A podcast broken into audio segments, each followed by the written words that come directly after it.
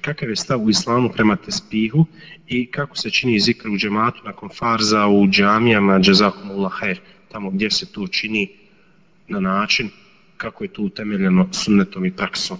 Jeste li možda pristovali u nekoj džamiji u svijetu gdje se nakon obavljenog namaza i zikr čini po sunnetu? Možda.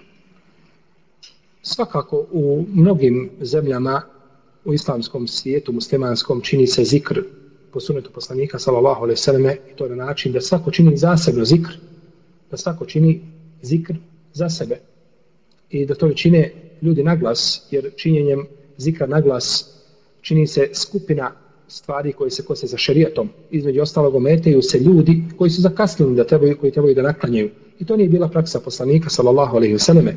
Njegova je praksa bila da nakon riječi Allahumma ente selam, ominke selam i do kraja ove dove, da se okrene, kako došlo od Isu Ajše kod muslima, da se okrene prema ljudima i svako bi tada zikrio zasebno.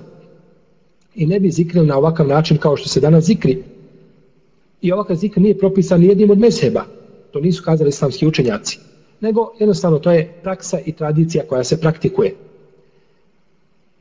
Tako da je osnova da se nakon namaza zikri, da svako zikri zasebno i da se na kraju prouče tri zadnje sure iz Kur'ana i time se završava zikr.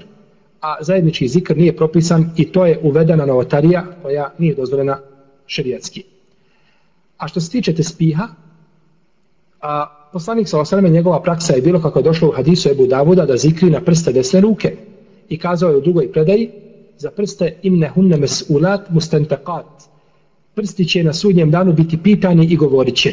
Govorit će znači koliko puta su i kako su slavili zikri Allaha Đelšanu. I navodi se da je poslanik sa osrme zikrio na jagodice svojih prsta. Pa je najpreće čovjeku da zikri na svoje prste. Jer će mu prsti svjedočiti da je zikrio na njih na sudnjem danu. A nemamo vjerodostojnog hadisa da će nam tespi a, svjedočiti ako čovjek bude tespihao ili zikrio na tespi.